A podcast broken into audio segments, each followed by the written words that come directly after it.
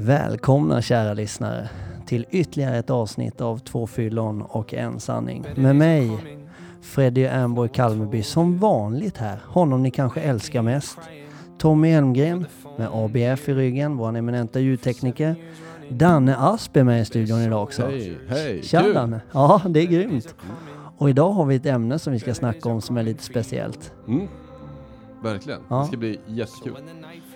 Puss och välkomna på er. Remember what you said to me. I know you've been hurting. Waiting on a train that just won't come. The rain, it ain't permanent.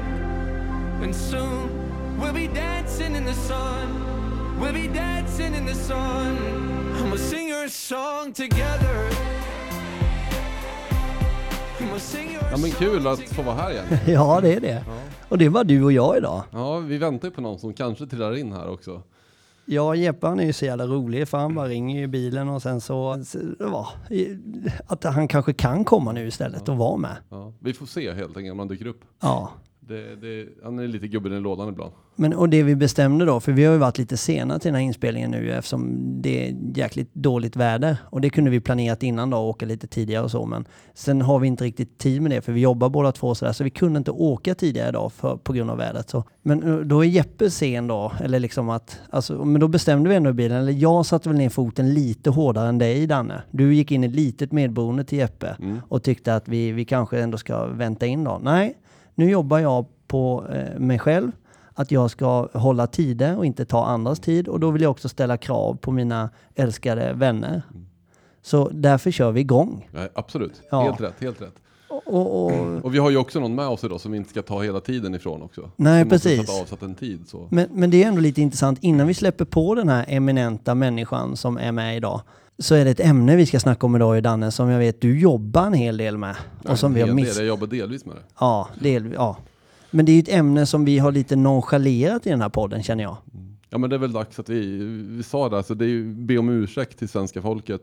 Och, Ja. och att vi under ett och ett halvt år av poddsändningar inte ens har nämnt det här problemet överhuvudtaget knappt. Det är ju, helt, det är ju, Eh, Det tar vi på oss och lär oss av. Så det här ska väl bli ett mer återkommande inslag hoppas vi. det är ju verkligen smäll på fingrarna. För det är ju verkligen ett av de större folkhälsoproblemen Ja. också.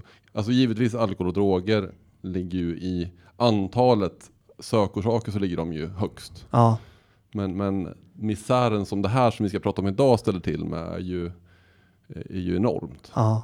Eh, Lite i skymundan så. Man pratar inte så jättemycket om det. Det ska bli jättekul att, att snacka bara om det här idag ju. Ja men så är det. Jag tänker vi kanske, vi kanske inte ska prata mer, jag ska bara se så applådknappen funkar och det gör den ju. Men eh, jag, jag tänker så här att vi ska väl välkomna henne på något sätt. Det Och, jag. och då, då tänkte jag så här. Den här tjejen som ni nu ska få lyssna till, eh, förutom mig och Danne, det är, förstår ni, en tjej som älskar högt i tak, men lika gärna kan lipa till en låt. Hon är nykter, spelfri, spelberoende. Jag kan inte riktigt benämna det.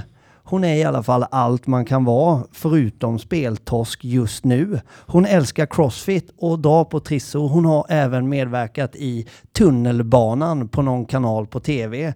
Välkomna Matilda Kempe! Ja, tack så jätte, jättemycket. Nu blev jag ju så här blödig som vi pratade om, som du nämnde. Jaså? Ja, men dina fina ord och det här välkomnandet som jag fick och du beskrev mig på ett helt fantastiskt sätt. Det var fint. Ja, vad, vad gullig du är. Tack! Tack själv. Ja. Berätta lite för oss här. Eh, Vem är du? Ja, livets svåraste fråga. Vem är du? Vi går rakt på Eh, sak. Liksom. Ja, jag tänkte det med. Yes, nu kör vi. Ja, men jag är väl eh, Matilda, eh, 30 år och eh, som ni nämnde då spelfri, spelberoende. Men jag brukar vara också ganska tydlig med att säga att Alltså det här är ju så lätt att säga ja, jag är Matilda, spelfri, spelberoende, men jag är ju, det är ju en del av mig. Mm. Jag är ju så mycket mer än bara mitt beroende. Så utöver det så har jag väl hela min vuxna karriär jobbat med yrken där jag har fått eh, ta hand eller hjälpa andra människor. Eh, både som ni nämnde som ordningsvakt i tunnelbanan, eh, trygghetsoperatör på ledningscentralen i tunnelbanan där vi har alla kameror sånt eh, på plattformar och så vidare. Och även jobbat en del extra ute på ett behandlingshem för missbrukartjejer som sitter på tvångsvård. Men vänta här nu, du, du, vi vi lovade också, vi skulle försöka avbryta lite här. Jag tittar på Danne så inte han blir arg på mig. Men jag, det här, jag bara vill fastna vid det här. Du ska få berätta hur mycket som helst. Men du har ju kommit i kontakt med min och Dannes tidigare problematik. Eh, I Mm. tunnelbanan då antar jag. Eh, eh, droger och fylla. Eller i alla fall det jag ser på tv är ju ganska mycket fylla. Mycket, majoriteten av ärendena handlar ju om att Hur många skulle du vilja säga att du har velat döda i tunnelbanan när du har jobbat där? Nu kommer Freddy in på sitt vanliga tema, döda. Nej men alltså, jag, kan alltså, jag springer på fy, dumma Ja. fyllon kväll Ja, efter ja. kväll, natt efter natt. Alltså, det är ju klart att stubinen var kort ibland. Det ska jag inte sticka under stolen. Eh, men jag eh, har nog mest av allt velat då döda han som såg till att jag bröt min arm, som gjorde att jag blev sjukskriven och som gjorde att jag hittade spelet. Nej. Det är väl den personen jag avskyr mest av allt. Det var ju lite där allting började, så utöver Berätta. honom så, nej. Nu kommer vi in på, på det du är här för. Eh, Ja, Hur- jag vart försökte är- hitta den här röda tråden. Ja men precis, vart är vi och när är det? När, när i tid är vi? Ta Eh, vintern till den här. 2015, Okej. så det är sex år sedan eh, nu, ganska prick, Ja. eh, som vi hade någon buse ganska tidigt på arbetspasset som vi skulle försöka få kontroll över som stod och rökte gräs nere på plattformen. Eh, han var stor som ett hus, ungefär 120 kilo. Min kollega var också stor som ett hu- hus, ungefär lika tung. Eh, och jag fick då båda de här bjässarna över mig och landar på min handled. Ja, då var jag arg. Men fattade inte att jag är ganska envis av mig. Så att jag jobbade på mina 11 timmar med den här brutna stackars armen. Eh, och slutförde mitt arbetspass. Det är lite sån jag är. Sen åkte jag till akuten. Och en liten anekdot till det är att när vi sitter i väntrummet, idag sitter där själv klockan sex på morgonen. Och bredvid mig sitter det en man och en kvinna. Och eh, läkaren går först fram till den här mannen och han säger vad har hänt med dig? Han bara, nej alltså ordningsvakterna på Spybar tycker inte så mycket om mig och jag ramlar ner för trappan. Han bara, okej, och så gick han över till mig. Och vad har hänt med dig? Jag jobbar som ordningsvakt i tunnelbanan och jag har brutit armen tror jag. och det var, och då kände jag mig ensam och liten när jag satt där själv faktiskt. Men du, jag blir bara lite nyfiken, jag måste fråga liksom. Jag kände igen mig väldigt mycket i den där beskrivningen. Jag har ju I själv... vilken av dem Danne? Han som satt där från Spybar eller? Ja, det var jag som... Nej, eh, verkligen. Men däremot så spräckte jag knäskålen en gång. Jag vet inte om jag har sagt det någon men eh, den gick i tre delar i alla fall. En bandymatch, jag var 18 år. Uh, och, och jag väntade ju ett dygn med att åka dit också. Jag var ju envis också. Jag skulle ju, vi skulle ut och festa på kvällen och så, så jag hade inte tid att, att kolla upp det där. Alla sa ju det, alltså du borde upp det är akuten, alltså ditt knä är väldigt stort. Men, men envisheten. Jag, då blir min nästa fråga så här, tror du nu med, nu med facit i hand, nu, nu kollar du i backspegeln så var det din beroendepersonlighet som gjorde att du var envisheten gick dit 11 timmar senare eller? Ja, men jag, jag vet, har väl aldrig riktigt utforskat i om de två delarna hänger ihop, men nu när du säger det så. Att det, det finns ju en dragningskraft i att göra det där lite tuffare, lite hårdare hela tiden i allt man gör. Och det har väl, hör väl till beroendepersonligheten egentligen. Ja. Tänja på gränser. Ja, vi pratade faktiskt om det lite grann innan vi, vi hade med det här, innan vi startade igång sändningen. Sådär. Och det, det, behöver, det är ju oftast inte bara en negativ egenskap. Jag fick frågan här av Tommy, sådär, men, men fasen, det är ju en ganska skön känsla också. Och jag, jag, det är ju den sidan av mig som jag älskar. Ja. Att kunna ha det här drivet, besattheten, att kunna liksom verkligen gå igång på någonting och göra det till 110 procent. Förstår du vad jag menar? Det är helt fantastiskt. Ja, absolut. Och det, det är ju den sidan jag älskar med mig själv också, när man verkligen... Ja, men går jag in för någonting som jag tycker är intressant, vi säger nu crossfit, då gör jag det ju till 200 procent. Eh, Det jobbiga blir bara när det kanske blir fem sådana saker samtidigt och man inte riktigt längre kan sortera vad som är viktigt och inte. För där har jag inget stopp heller, liksom. jag bara kör. Exakt. Du, kan, kan inte du bara fortsätta nu? För du är ju med idag för att vi ska prata om spelberoende. Du, Ja. du har ju varit speltoss och det smäller om det. Eh, Mm. och du har liksom så. Men du, du är också liksom tillfrisknad i det. Du är, du är idag inte aktiv i ditt spelmissbruk. Nej. Och du säger att det startade i en tunnelbana i Stockholm av en riktigt överförfriskad person och en annan som trillade över dig. Vad händer Ja. sen? Ta oss med liksom. Ja, det som händer är att jag, jag har förstått i efterhand att jag, jag hade ett arbetsberoende till att börja med. Det var jättehäftigt att vara ordningsvakt. 21 år var jag när jag började som det. Och man kunde vara på så många olika arbetsplatser, man hade olika arbetsgivare och det var liksom aldrig någon som höll koll på hur mycket jag jobbade. Nej. Och där började ju mitt spel i att räkna timmar. Det handlade egentligen inte om pengar utan det var så här, okej jag klarade 90 timmar förra veckan, kan jag klara 95 den här veckan? Ja. Och det gjorde ju att jag jobbade ju bort mina vänner. Så när jag väl sitter där hemma med min brutna högerarm, kan knappt torka mig när jag går på toaletten och inser att jag har ingenting kvar. Vad, vad ska jag göra för någonting? Och då hade ju precis spelreklamerna börjat på tv. Va? Så det där hoppade jag på och tänkte att det här är nice. Nu har jag något. Jag hittar ju en kompis, liksom. jag hittar en sysselsättning. Ja, för var det det? Ehm. För det, det funderade jag på i bilen hit liksom. Vad var det som fick det? För jag ser ju också massa spelreklamer och nu är jag väldigt medveten om, och jag ska inte sätta mig på några höga hästar, men jag undviker ju sådana sajter till absurdum liksom. Men vad var det just att ha en kompis, att ha någonting och göra? Att, alltså, förstår du vad jag menar? Vad var det? Ja, Eller var det den stora ju- vinsten som lockade, eller vad var det? Nej, det var aldrig, in, det var aldrig pengarna där heller. Utan det var liksom, jag kunde koppla av, jag hade någonting, jag var rastlös så jag fick någonting att göra, något som höll mig i sällskap och fick de här tre månaderna av min sjukskrivning att gå jättefort. Ja. Eh, Men till en början så var det ju liksom småsummor. Sen var ju det här inte helt främmande för mig. Jag har åkt på väldigt mycket kryssningar ända sedan jag var liten och fått liksom en liten påse med pengar att spela för. Ja. Eh, Så att det var ju inte helt främmande när jag väl började, utan det var ju mer så här, åh nice, det finns i telefonen. Jag behöver inte åka till Finland för att spela på lite automater.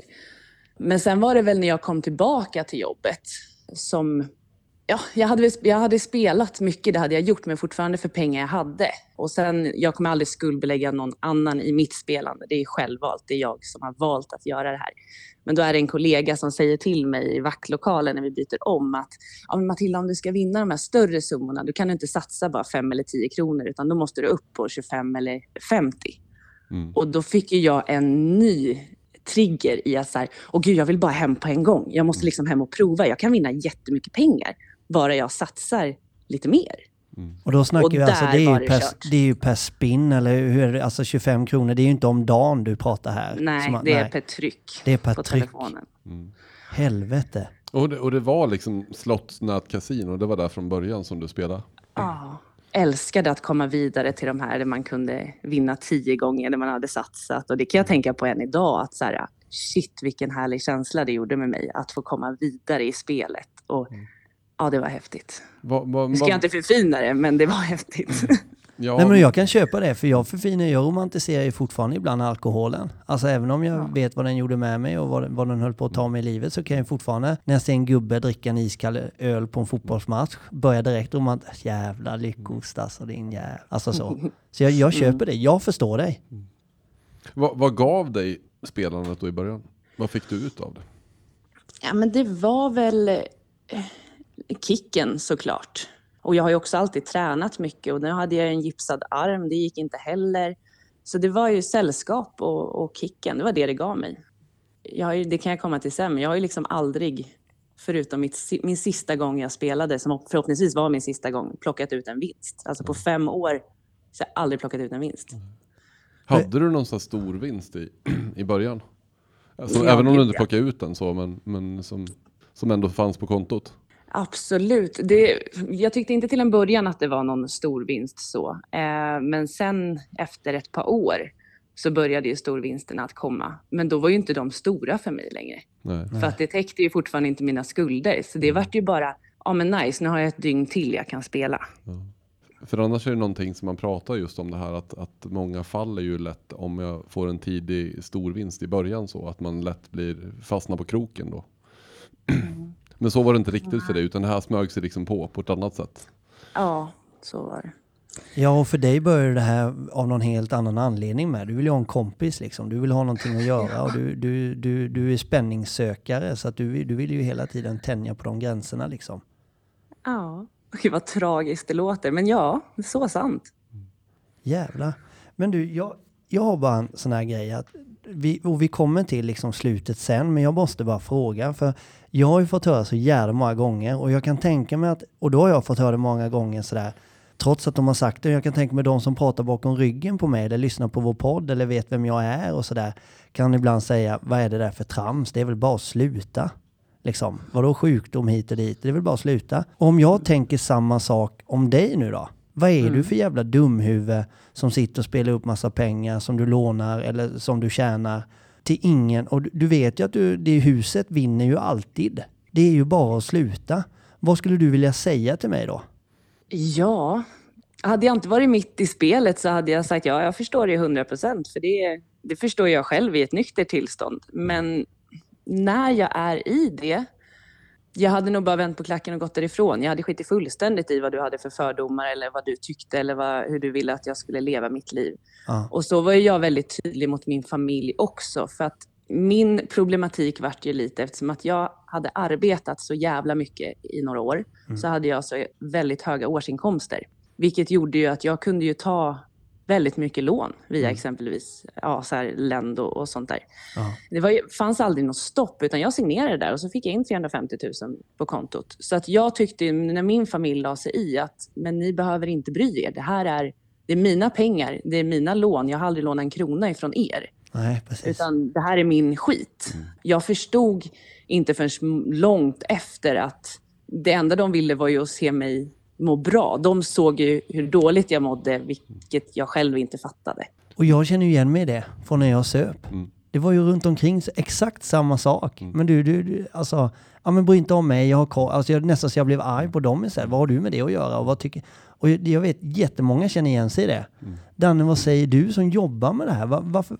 Nej men alltså det är ju ingen, det är ju ingen större skillnad. Och man kan ju till och med jämföra, nu får vi en gäst som kommer in här. Nu kommer Jesper.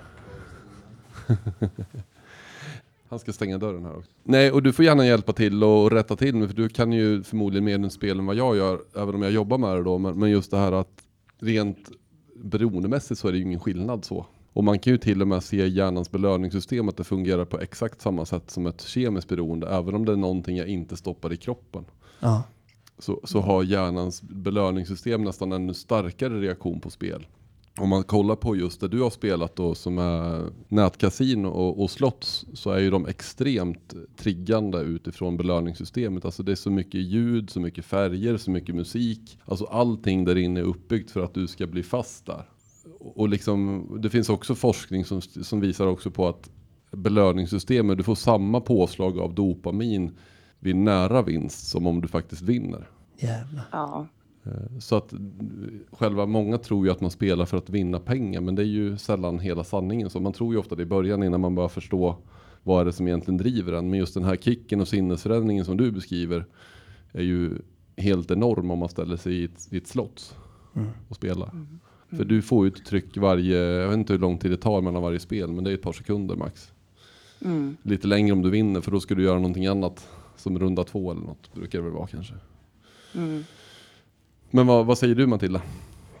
Nej men eh, verkligen, och just det där du sa också att det blir ju samma kick av att nästan vinna. Den är ju nästan värre, liksom en mer spännande kick än att faktiskt vinna. För då känner man ju så här att ja, men nu är du på gång. Eh, och jag kunde ju börja inbilla mig att om jag kanske tryck på telefon på ett visst sätt. Om jag, kan- alltså jag fick lite tvångstankar kring spelandet också. Om jag kanske vrider på telefonen, om jag går in på toaletten. Alltså jag hittade på så mycket tokiga saker. Med att så här, ja men det här kommer nog göra att jag vinner. Ja. Och sen, jag har ju aldrig, aldrig känt eh, en kick när det kommer till eh, alkohol. Och jag har ju alltid sett alkohol som att det är det, det enda i livet jag inte är beroende av. Mm. Eh, Men där har ju jag kommit till insikt nu, allt för många år för sent, att visst, jag dricker inte ofta och jag har inte ett sug efter att dricka alkohol. Men jag har absolut ingen stopp när jag väl dricker. Det finns inget som kan stoppa mig. Så jag har ju inte kontrollen där heller. Så det är ju liksom människor, spel, Det är, Allt det är AAs beskrivning av en alkoholist. Om du trots Ja. negativa konsekvenser av ditt drickande fortsätter att dricka. Inte hur Mm. ofta eller mycket och länge. Det brukar vi återkomma till också. Ja. Just det här att vi bryr oss väldigt sällan om hur, hur ofta och hur mycket du dricker. Händer Och det är ju också så man har, har sett på en, alltså i mina ögon jag har sett på en alkoholist. Jag har, om man tänker en del i släkten, jag har nog en del i släkten som har beroendeproblematik. Liksom. Och att det är så här, ah, men, nej, men jag dricker ju inte varje dag. Och till slut så började jag kontra med det, bara, men vadå, jag spelar inte varje dag. Då är ju inte jag heller spelberoende då. Nej, och, och vi snackade faktiskt. Jag vet inte om det var tanken med att glida in på det här Danny. I sådana fall är du en begåvad människa. Nu vill jag inte ge dig det fullt ut för då blir han stolt som en tupp. Men vi snackade bilen hit och jag blev, min första dumma naiva fråga var ju man är lite spänd på att höra hur mycket hon har spelat bort. Och då hörde jag Dannes ton Matilda. Ganska, då tillrättavisade han mig. Han satte sig lite på mig i bilen, fick jag känslan av. Det frågar vi inte alls, sa han bara. Och jag var okej. Varför inte då? Viktig Petter. Och då fick jag ju en förklaring på varför. Det är det vi pratar om nu till exempel, att jag rättfärdigar mig själv ganska mycket i början. Och jag vet många nya jag snackar med. Ja men jag behöver nog bara hjälp ett tag här, jag behöver bara fixa till det här lite nu för du vet gumman är lite arg på mig och eh, morsan hotar och säger upp lägenheten eller det- det blir skilsmässa om jag fortsätter. Så. Men jag har ju inte så mycket problem som de där borta eller som den eller som den som sitter där. Så jag är ju inte alkoholist på det sättet liksom. Och då skulle jag inte fråga dig hur mycket du har spelat bort för att det kan ju lätt rättfärdiga någon annan som, eh, som inte har spelat bort lika mycket men ändå är totalt torsk just nu. Att säga men jag, jag är ju bara hälften av vad Matilda är liksom så ja, det är ju lugnt liksom. Kan du köpa det? Till 100 procent. Jag vet inte hur många gånger jag har, nu har jag inte nämnt det här än, men jag är ju väldigt öppen eh, sedan ett och ett halvt år tillbaka om mitt spelande på min Instagram. Och där vill man ju ofta veta den första frågan, att hur mycket har du spelat bort? Men jag är väldigt tydlig där i att bara för att jag berättar min summa som jag har spelat för så betyder inte det att du inte är beroende. För vi kan inte jämföra ett beroende i en summa pengar. Det sitter ju i, i huvudet. Ja. Så ja, Det Daniel det, är helt rätt där. det är lite som, ja men när jag och Jeppe, nu, välkommen in. Ja, Hej. för hej. Hej. Ska jag så här. Äntligen. Jag suttit och tänkt på det. När ska vi... Eller Nu ska får vi vi... Jeppe. Ja. Det var, jag kommer direkt med en massa undanflykter. Vilket väglag alltså. Ja. ja. Jag ber om ursäkt, jag var sen. Vi har redan sagt sanningen Jeppe innan. Okej, Ja. Att jag får inte klippa igen. körkort. Nej men alltså när vi kom till Motiva, när vi gick in i vår behandling, vi var ju 20-21 år, 21 var vi, du var 22. Mm, mm. Eh, vi kunde ju inte så lätt identifiera oss med gubbarna som var 55 och hade supit bort 4 miljoner, företag, barn, alltså rubb och stubb så. Nej. Eh, så, jag menar, och det är ju egentligen samma sak. Så om, man, om man bara får höra de här värsta historierna blir det väldigt svårt som, som ny att, ja men vänta nu, jag har ju ingenting jämfört med det här. Mm. Och det var ju vissa saker, jag brottades en del med det vet jag i början, så här, men jag kanske inte är Mm. alkoholist Mm. på riktigt så. Jag kanske, innan, innan jag bara, jo men det är ju. Ja, jävlar Ja, alltså. jag var ju första gången jag gick på mitt eh, självhjälpsmöte 2018. Då, min tanke var ju så här, nej men jag är inte beroende. Jag är inte en fyllgubbe med ölkagge och för liten t-shirt. Det var liksom min bild. Det låter jättefördomsfullt, men det var min bild av en spelberoende. Mhm. Så när jag var på väg dit, jag var ju så här, men jag är inte som dem. Jag är, liksom, jag är en reko tjej, jag har bra jobb, liksom. jag är inte sjuk. Men när jag kommer in i det rummet så sitter det en tjej där i min ålder. Mm. Och jag har varit så här, oj, det kan vara så att jag också är sjuk. Om hon har insett att hon är sjuk. Men jag har liksom aldrig egentligen kunnat sett, jämför, eller liksom sett några likheter med mig och män. Jag har haft jättesvårt med det. Utan det är väl också därför jag själv riktar in mig mycket på kvinnor i att så här, vi ska våga prata om det här, vi ska våga öppna upp oss. För att man tror att det är en manssjukdom. Ja, det är viktigt att du, du säger det också för att det är ju forskning, nyare och nyare forskning visar ju också på att det är väldigt många kvinnor och mycket äldre kvinnor också som, som sitter fast i rejäla spelproblem. Varför är det så? Vet man det eller? Alltså det har ju blivit, tillgängligheten tänker jag har blivit enorm utifrån nätet. Så. Förr gick ju kvinnor och spelade bingo i bingohallar om man Ja. nu ska prata liksom, stereotypkvinnan så. Ja. Men det var ju kanske en gång i veckan på byn. Och man tog med sig liksom, eh, möjligtvis så förskingrade man familjens eh, kassa så. Mm. Och, och hoppades på att dubbla upp den så. Men, men jag menar nu är det ju, kan du spela 24-7 Ja. på nätkasinon och bingo på nätet också och så vidare ju. Och den kriminaliteten, det fick jag till mig nu senast i alla fall, som kvinnan ofta står för, är ju mycket det här att man döms ofta för förskingringsbrott. Eh, Ofta då vid förtroendeposter och sådär. Att man sitter på kassöruppdrag i föreningar och ideella Ja. organisationer och sådär. Och där man liksom lätt kan förskingra pengar. Så, så att det finns ju en del kriminalitet kopplat till problematiken också som man kanske inte alltid tänker på. Har du någon sån bus för dig Matilda? I ditt liksom, hur gick det till? Eller var det bara lön och lånade pengar eller? Nej, det var väl det var bara lön och lånade pengar. Nej, men det vart ju, hela spelandet vart ett spel, om man kan säga det så. Så först så fick jag lönen och så spelade jag bort den på tio minuter. Och sen så tog jag ju då snabblån för att jag skulle kunna betala mina räkningar. Och det vill ändå för sagt att jag har ju spelat då i, i fem år, men jag har ju aldrig haft en försenad räkning, för jag har ju stenkoll på min ekonomi och min budget. Allt ska ju liksom lösa sig. Och sen efter snabblånen, då kom ju nästa spel i spelet i att hitta det bästa större lånet för att kunna samla de här små.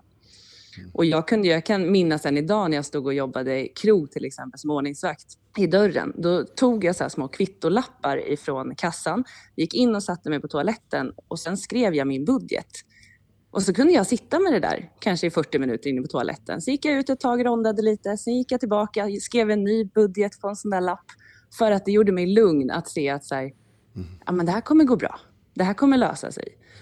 Och det vart ju en nackdel i sig också, just det här att sitta... Jag gick ju från kassakvitton till Excel-filer med min budget och började räkna på att tjänar jag så mycket på det jobbet och så mycket på det och sen så hade jag en budget för tio år för att se när jag kan bli skuldfri. Så första året innan då jag tog mitt återfall, jag hade ju inte blivit spelfri för jag jagade ju fortfarande liksom pengarna. Jag kunde ju inte slappna av liksom och det var väl därför mitt återfall kom. Men så du har, du har fortfarande, en nyfiken fråga, du har fortfarande då alltså skulder till banker, inte till staten, alltså Kronofogden? Nej, jag har aldrig haft något i Kronofogden eller familj eller vänner, vilket jag är extremt tacksam över.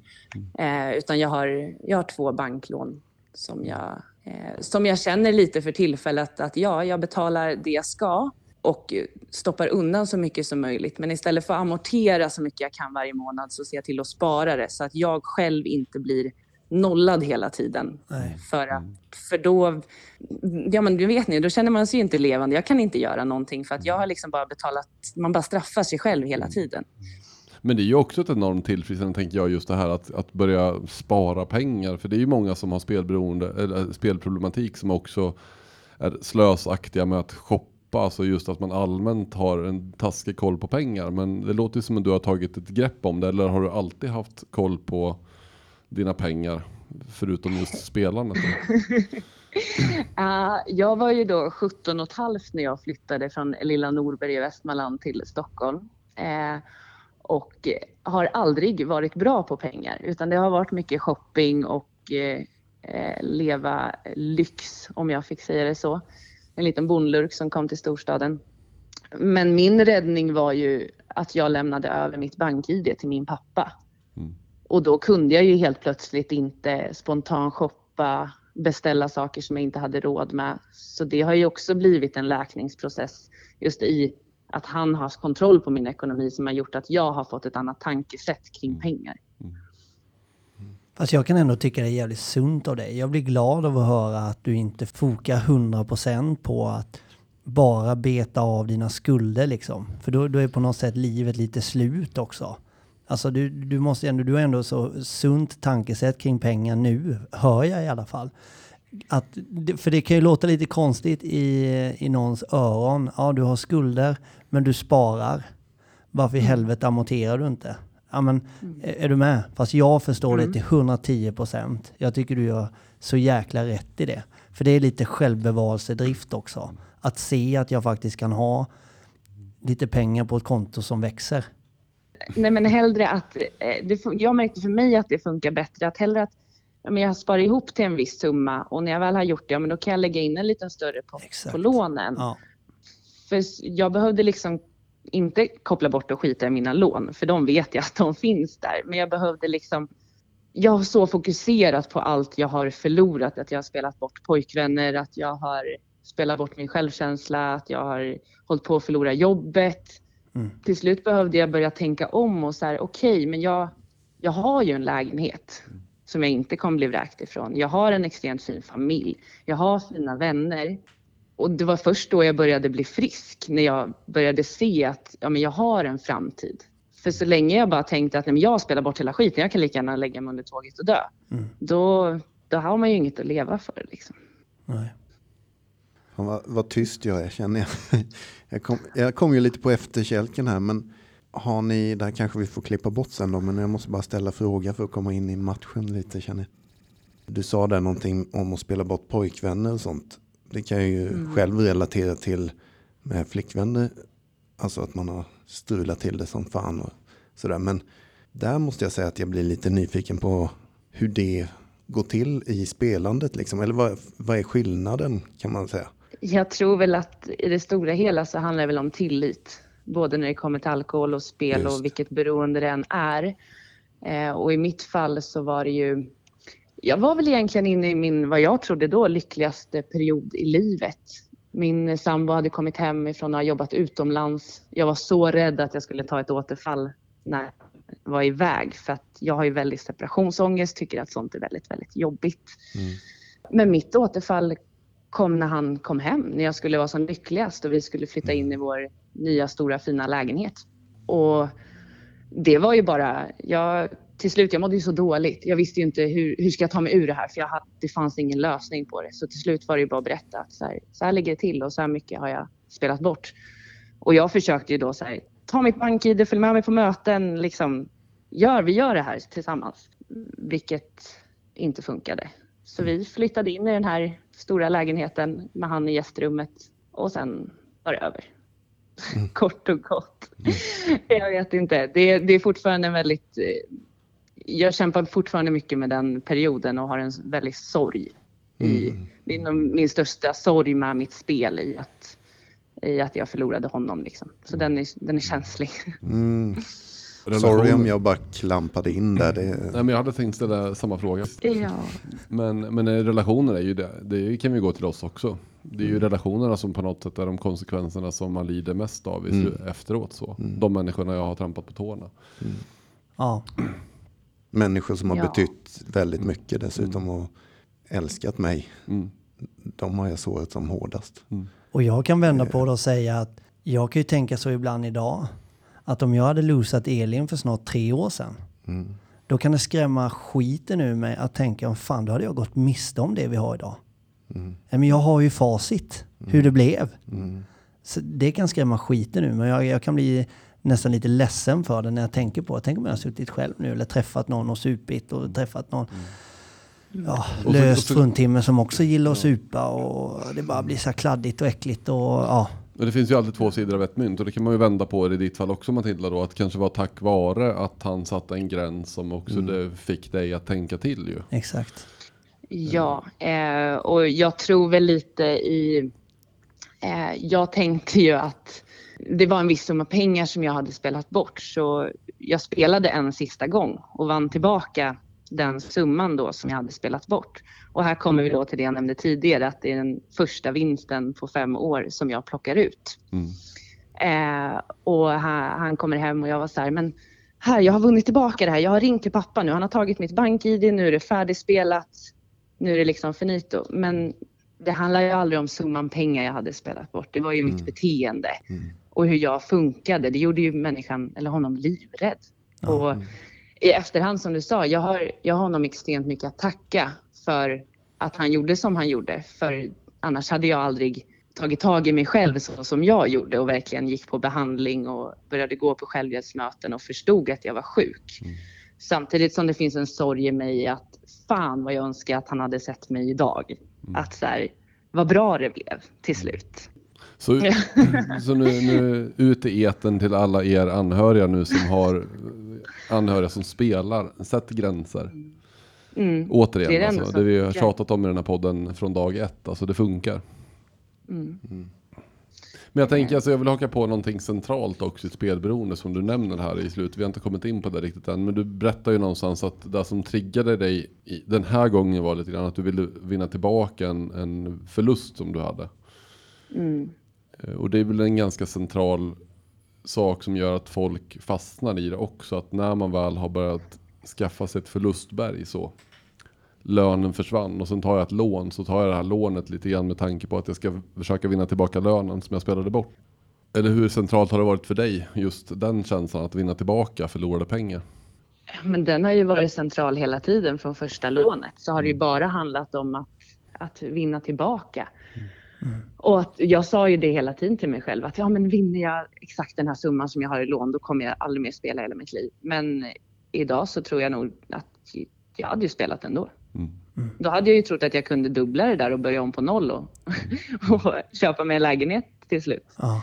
Men så det har alltid varit att jaga förlusterna liksom. Men du, vad, vad fick dig? Vad, vad hände? När du liksom, hur... Jag kan ju bara associera till alkohol liksom. Hur, och hur det var för mig när det, när det var färdigt liksom. Men när var det färdigt för dig? Vad hände? Hur var det? Hur kändes det? Hur tänkte du? det började egentligen 2018 när jag verkligen så här äh, förstod att nu, den här botten är så jävla nådd nu. Jag hade slutat eh, träna, slutat äta. Jag gjorde mitt jobb men resten så spelade jag bara. Och jag började själv googla lite så här, spelberoende, vad finns det för hjälp att få? Jag började se att det här är inte, det är inte bra. Eh, så kom det en helg när jag spelade bort 200 000 på en helg och kände att nu fan går det här åt helvete. Men då var jag redan så djupt ner att jag hade ju slutat sminkat mig för jag kunde inte kolla mig själv i spegeln. Jag bokstavligt talat kräktes om jag fick syn på mig själv. Jag mådde så fruktansvärt dåligt. Så jag hade ju bestämt mig eh, den 28 november då, 2018 att jag skulle avsluta mitt liv. Och det brukar man ju säga som det är en feg jävla utväg. Mm. Men det var ju så jag kände då. Så att jag vet att jag hade 20 000 kvar om de där 200 000 som jag satte på autospin. Och så gick jag in och duschade och sen så skulle jag ut och festa med mina vänner och supa mig så jävla full så att jag skulle våga göra det. Men eh, så blev det inte. Här sitter jag och babblar för fulla muggar. Vad, Vilket var jag är det, extremt glad för. vad var det som hände då istället? Vill du berätta den vidare? Den kvällen är ganska svart faktiskt. Jag eh, minns att jag ringer till min pappa och sen vaknar jag upp på Sankt Göran. Så vad som har hänt däremellan vet ingen riktigt. Men jag vågade ju aldrig berätta det för någon. Min tjejkompis hämtade mig dagen efter och jag fick följa med ut till dem. Och hon sa, stannade bilen och så sa hon det. Hon bara, har du tankar på att ta ditt liv Matilda? Och jag sa, nej, nej, pratar de? Skulle jag? Nej, nej. Och sen följde hon med mig på mitt första självhjälpsmöte. Och sen har det här aldrig pratats om. Jag har aldrig velat prata om det förrän för ett år sedan egentligen när jag började bearbeta min historia och allt som hade hänt. I att så här, jag hade ändå planerat allting. Nu gick det inte vägen, det var inte ens ett försök. Men jag hade hela den tankeverksamheten.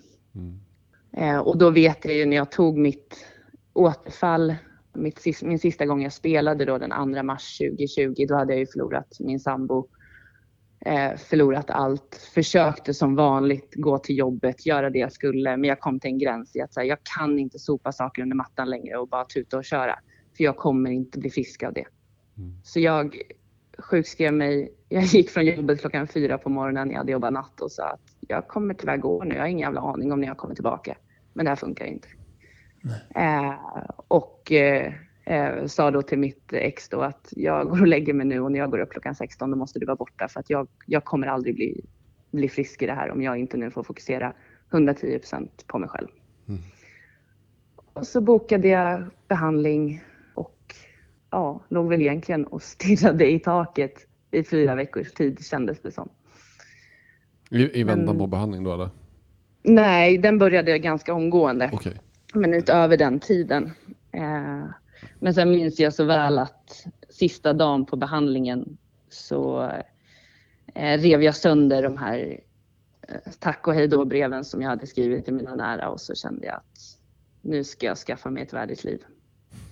Och sen får folk tycka och tänka vad de vill men nu, är det 110 procent mig själv som gäller. Lite så. Fan vad grymt. Ja, verkligen. Oh, Så jävla häftigt. igenkänningsfaktorn där med. Det sitter med en gåshud här. Ja, det reser sig här på armarna. Jag vet inte om ni själv kan känna det ibland när ni också sitter och pratar om era historier, att det känns lite som att man pratar om en annan person. Man känner den här personen så jävla väl, Mhm. men man vill också hålla den på avstånd en bit.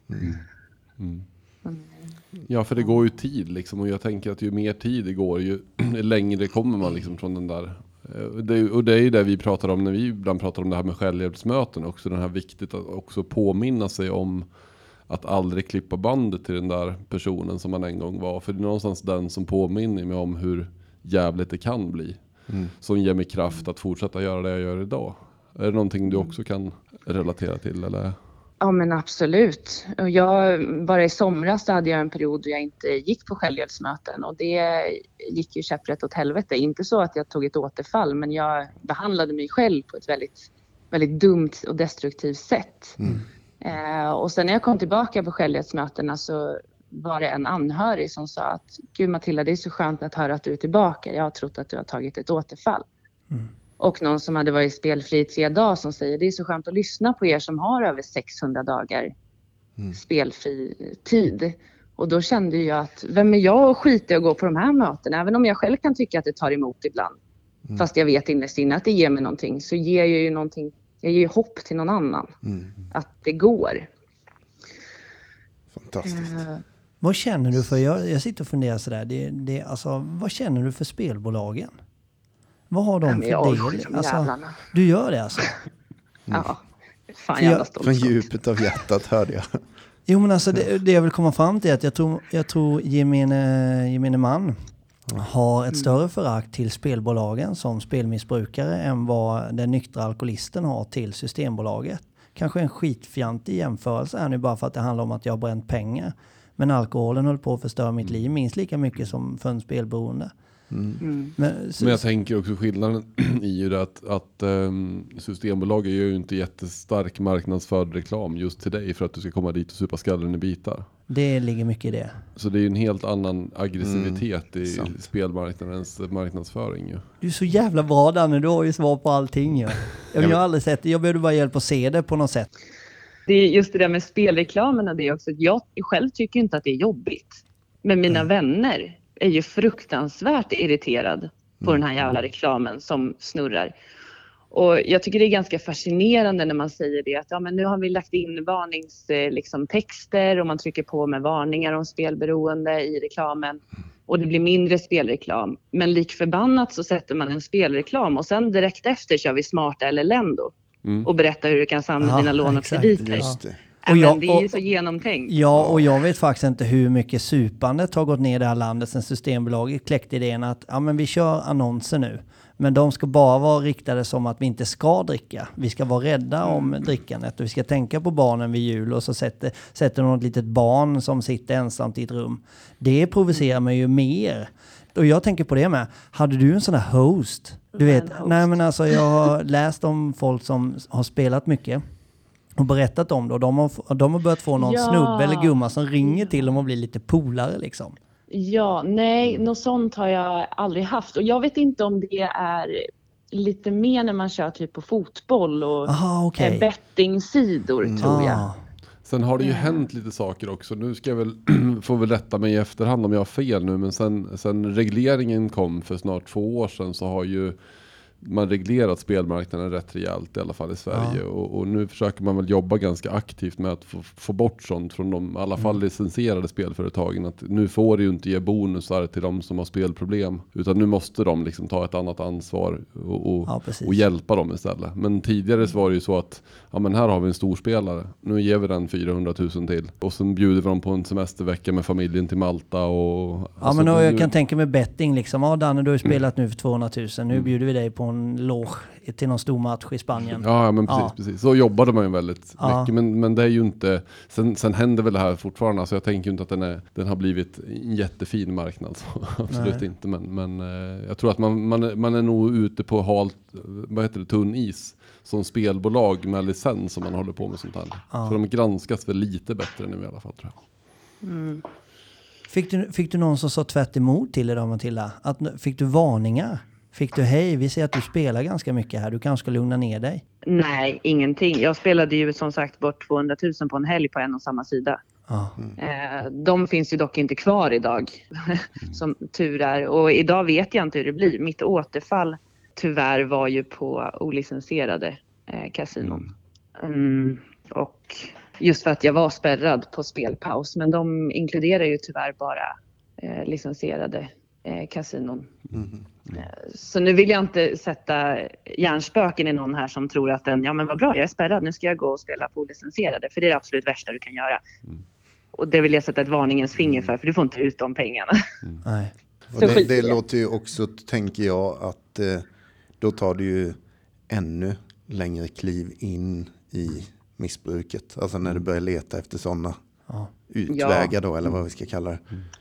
Jag brukar jämföra lite grann med, det är lite som spelandets antabus på något sätt. Att Det är en jättebra grej att spelpausa sig och jag rekommenderar varmt att, att göra det när man ska bryta och så vidare. Men, men någonstans så måste man ju jobba med det underliggande beteendet till varför jag spelar. Gör jag inte det, då kommer jag ju någonstans gå och hitta Yes. ett olicensierat spel och, och fortsätta ändå. Precis som den som tar antabus, som, som dricker igenom antabussen eller, eller slutar ta den och manipulerar med den för att den ska kunna dricka igen. Ja, och lite så kände ju jag att eftersom att jag lämnade ifrån min ekonomi till min far både en och två och tre gånger. Och han, har ju, han tyckte det var jättejobbigt nu sista gången att jag skulle ta tillbaka BankID För att det förstår jag också att när jag har tagit återfall en vecka efter jag har fått tillbaka mitt bank-id så skuldbelägger ju han sig själv i att så här, fan varför satte jag inte ner foten? Men nu, jag tog tillbaka mitt bank-id i, när jag fyllde 30 här i september. Då hade han haft den i ett och ett halvt år. Och jag sa det, jag tror inte att vi ska vänta längre för om du har det för länge, då kommer jag kanske ha glömt bort min problematik lite grann och det kommer vara lättare för mig att ta ett återfall. Eh, likväl som jag inte kunde ta tillbaka bankbudet för tidigt när jag fortfarande var i det tankesättet. Så jag sa det, jag bara, nu, nu provar vi här.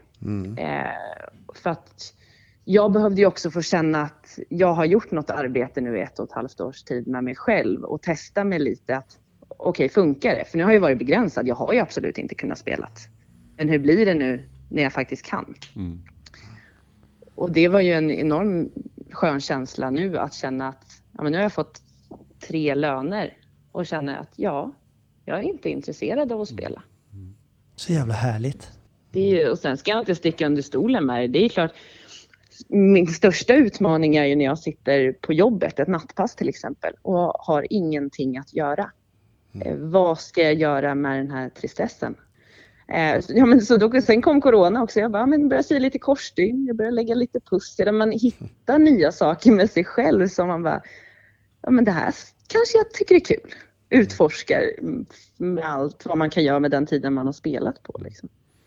Men det, det här tänker jag är så jäkla kul att höra på. Alltså, ge gärna mer eh, tips om det. För det, det märker jag ju de jag träffar som har spelberoende. Att det är oftast där många fastnar i. Vad ska jag göra när jag blir ensam? För det är ju lite ovanligt kanske jämfört med många som har alkohol eller drogproblem. Just, men just det här att ensamtid. Eller, och det finns ju väldigt mycket ensamtid ju. Men jag skulle vilja säga så här, om jag vänder på det. Givetvis är det många som dricker när de är ensamma också. Men jag tror att spelare spelar nästan bara när de är ensamma. Det är sällan att stor, stora problemspelare spelar i sällskap, i grupp. Ja. möjligtvis sportspelare då. Eh, pokerspelare möjligtvis då. Ja, nej men jag har ju blivit lite ifrån att vara en person som jämt vill ha folk runt omkring mig. Eh, Så började det väl lite såklart när spelet kom. Då ville jag ju helst som du sa vara helt ensam så att ingen förstod vad jag höll på med. Men sen när jag varit, slutade spela så kom jag till en period igen när jag sa jag måste vara med vänner hela tiden. Idag, jag kan jättegärna vara med en kompis en kväll. Och sen behöver jag två, tre dagar i ensamhet. För då är jag helt slut istället. Ja. Så det har ju liksom blivit, jag har väl förstått, nu tränar jag också väldigt hårt, ungefär två till tre timmar om dagen, sex dagar i veckan. Eh, och jobbar skift. Alltså, inte mer. Eh, så så att jag, är inte, jag har inte så mycket energi. Och förut då körde jag på ändå. Så jag tränade tre timmar, hade inte ätit, gick ut och krökade och tyckte att ja, men det här klarar jag av. Och det gick ju som ni också förstår oftast åt helvete. Men Man vänta nu. inser sina begränsningar. Men vänta nu, bryt nu. Du säger att jag har inte så mycket energi, men jag tränar tre timmar om dagen, sex dagar i veckan. Då tänker ju de flesta så här, hon måste ha jätteenergi ju. Ja, eller att hon är mytoman. Jag tror du är mytoman Matilda. Säg nu, du har aldrig spelat någon gång i hela ditt liv, säg det bara. Det här jag bara ljuger om allt. Exakt. Har ni inte förstått det? Nej men missförstå mig rätt. Jag har mycket energi. Jag är ju en, en energiknippe vill jag väl säga själv. Men jag har ju också en helt annan sida av mig som är jävligt djup och sorgsen och bitter. Och då blir det så här att det tar väldigt mycket energi på mig om jag är på gymmet i tre timmar. Jag är glad, jag är trevlig, jag är skallig likväl som på jobbet. Och sen när jag kommer hem då har jag förstått att nu behöver jag ju utrymme för den här bittra, sorgsna tjejen ett tag. Och tycker det är skönt att få vara den när jag är ensam. För den sidan av mig själv har jag tryckt undan i så många år. För ju sämre jag mådde i mitt spelande, ju gladare vart jag utåt. För att ingen skulle se att jag hade någon form av problem. Och idag nu när jag varit spelfri så länge, då känner jag nu att ja, jag är 30 nu.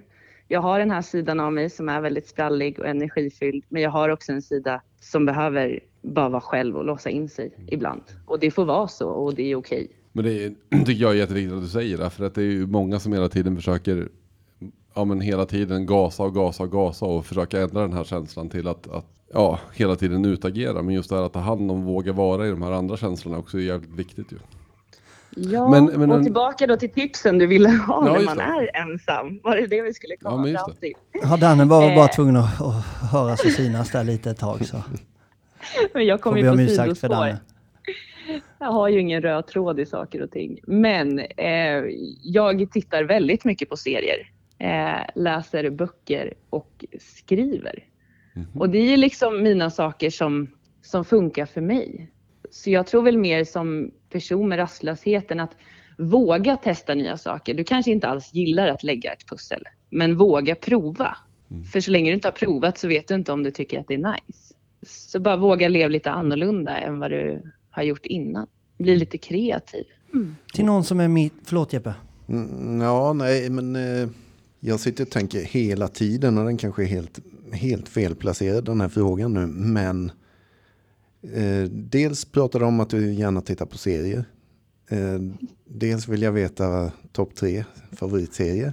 Men du har ju själv medverkat i en serie. Har vi pratat Ja. om det? Ja, lite i början faktiskt. Ja, ni har det. Ja. Ni har det. Ja. Ja.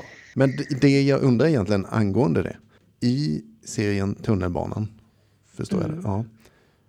Var du aktiv i ditt missbruk då? Eller beroende? Eh, Ja, det var jag. Mm.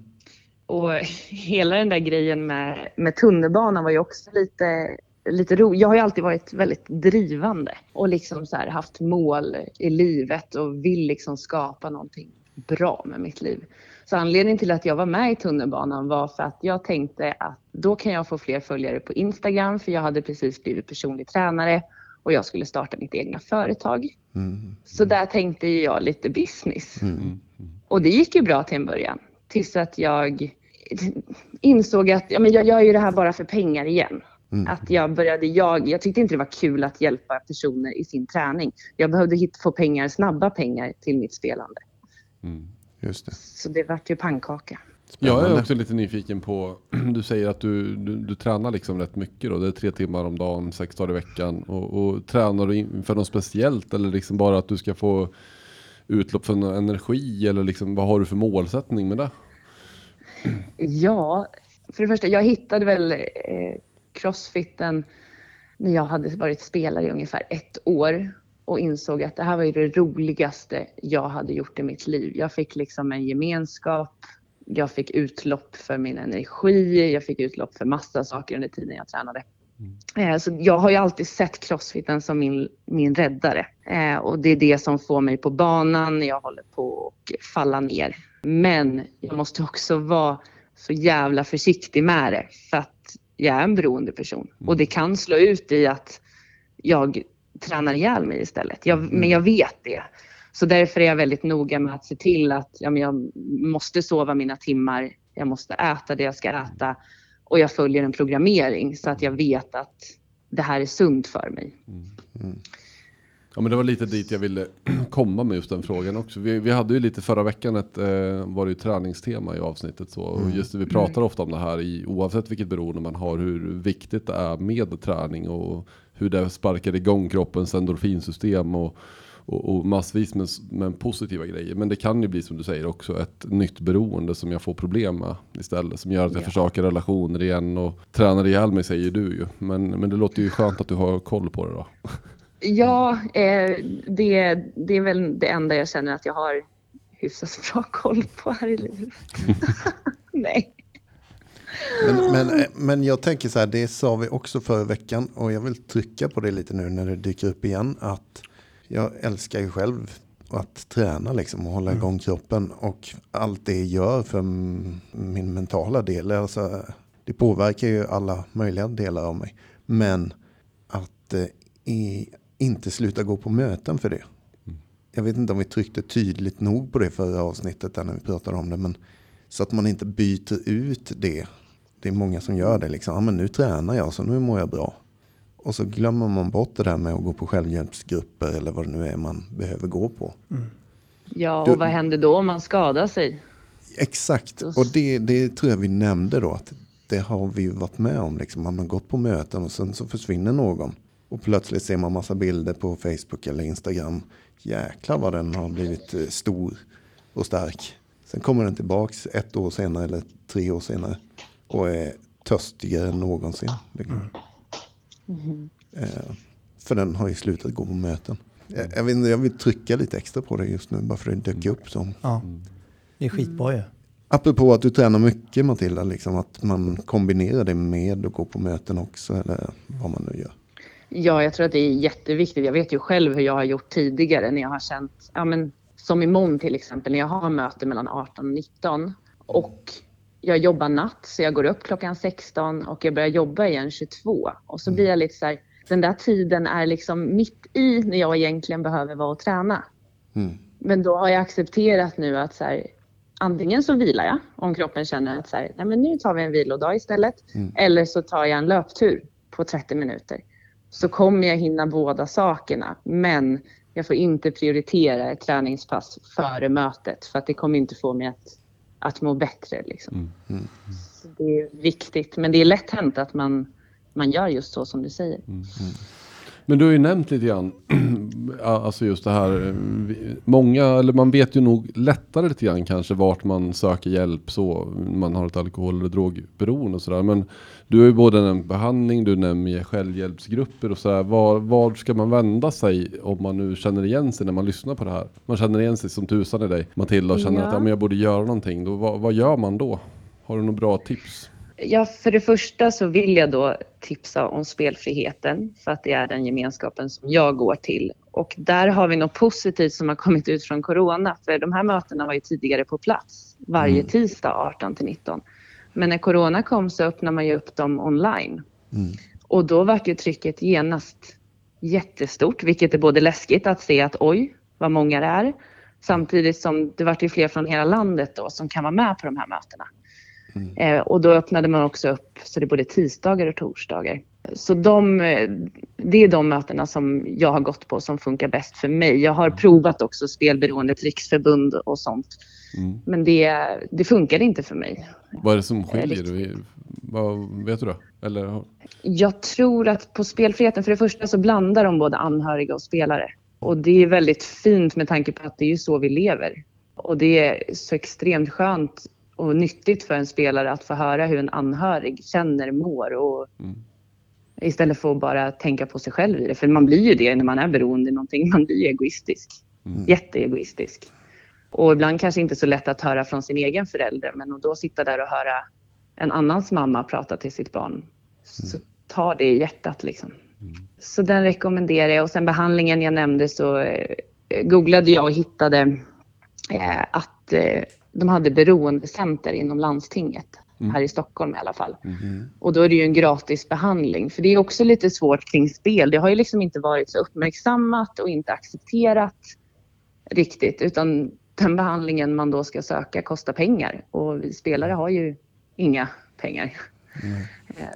Och jag tänker också, jag skulle vilja ha lite tips från dig. I- Kanske inte bara var man vänder sig, vilket nummer man ringer, utan vad har du för tips till mig som just nu sitter och liksom kör freespins varje kväll? Vad har du för tips liksom om jag känner att fan det här börjar gå överstyr? Jag, jag vet med mig när jag tittar mig i spegeln att det här, det här är inte bra. Jag är, jag är tosk. Vad har du för tips? Vad skulle du ge dig själv för tips när du satt där? Som du vet nu? Ja, det är så jävla svårt att nå fram till den som är i den där bubblan. Det går ju inte att hjälpa en person som inte vill bli hjälpt.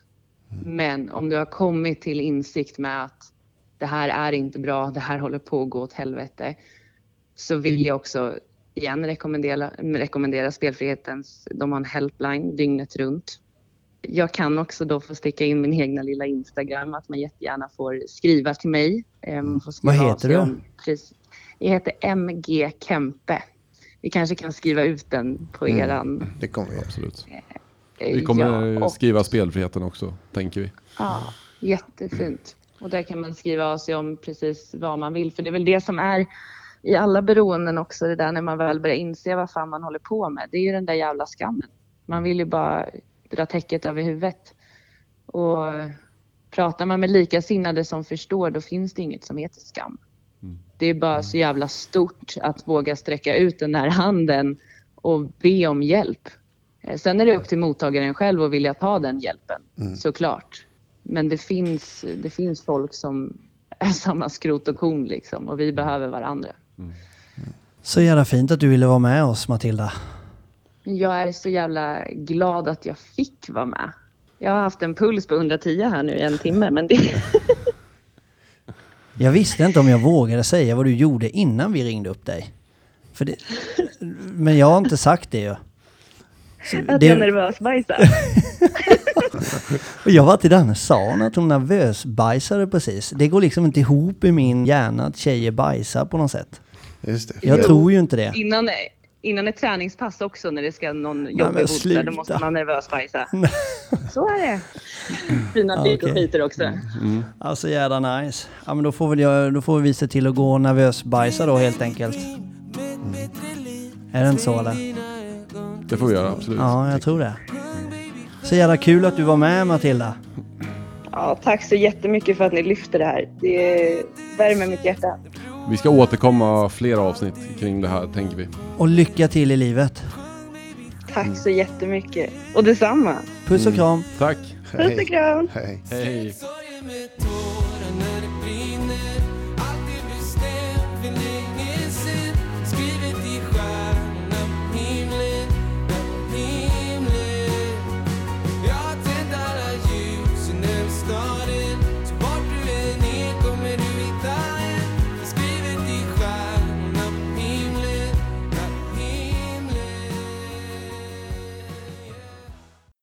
Fint, jag hör er. Ja. Ja, men eh, hur känns det? Helt urladdad. Ja, Jag är, jag är helt urladdad, men det är, det är fint. Men ni vet själva, det är så, här, det är så många år. Det är så mycket. Man vet liksom inte riktigt varken ut eller in. Liksom. Nej. Så man, jag vet inte vad det blev. Man, jag har babblat i alla fall. Det, det, vi får se. Det blir, det blir kanon. Och, och Matilda, det är ju, jag var ju inte med så jättemycket idag då, men eh, jag är ju den som sitter och klipper och klistrar och sådär. Och är det något som du kommer på efteråt så, här, så säger vi alltid det till alla som har varit med att eh, 100% upp till dig vad du vill ha med eller inte ha med om du kommer på något att det där kan du ta bort och så vidare. Då bara skriver du. Så, ja, så. absolut. Men det kändes som att det vart... Vi glömde nämna Gertrud. Ja, det gjorde vi. Och det, det är intressant också. Eller vi, det, hon var ju nästan på väg hit ju. Jaha. Inte Ja. riktigt. Det är du och jag som har skrivit med varandra för övrigt, Matilda. Ja. Men eh, eh, hon har ju en eh, vän som heter Gertrud. Ja men den har jag sett på Instagram. Ja, Den är ju svincool. ja. Oh. Jag har ju också bott i en Gertrud. Är det sant? Ja, fast det var en lägenhet som kallades för Gertrud. Ja. Nej. Sankta Gertruds gata i Kalmar. Ja. Bästa lägenheten i någonsin.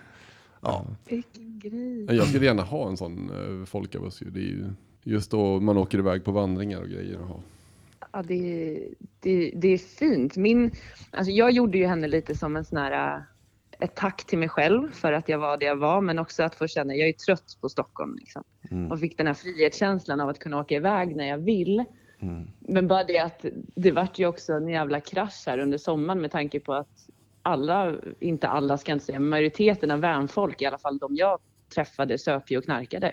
Satan. Just det. Och det är ju en sån, alltså det hör till det hippielivet att röka lite gräs. Ja.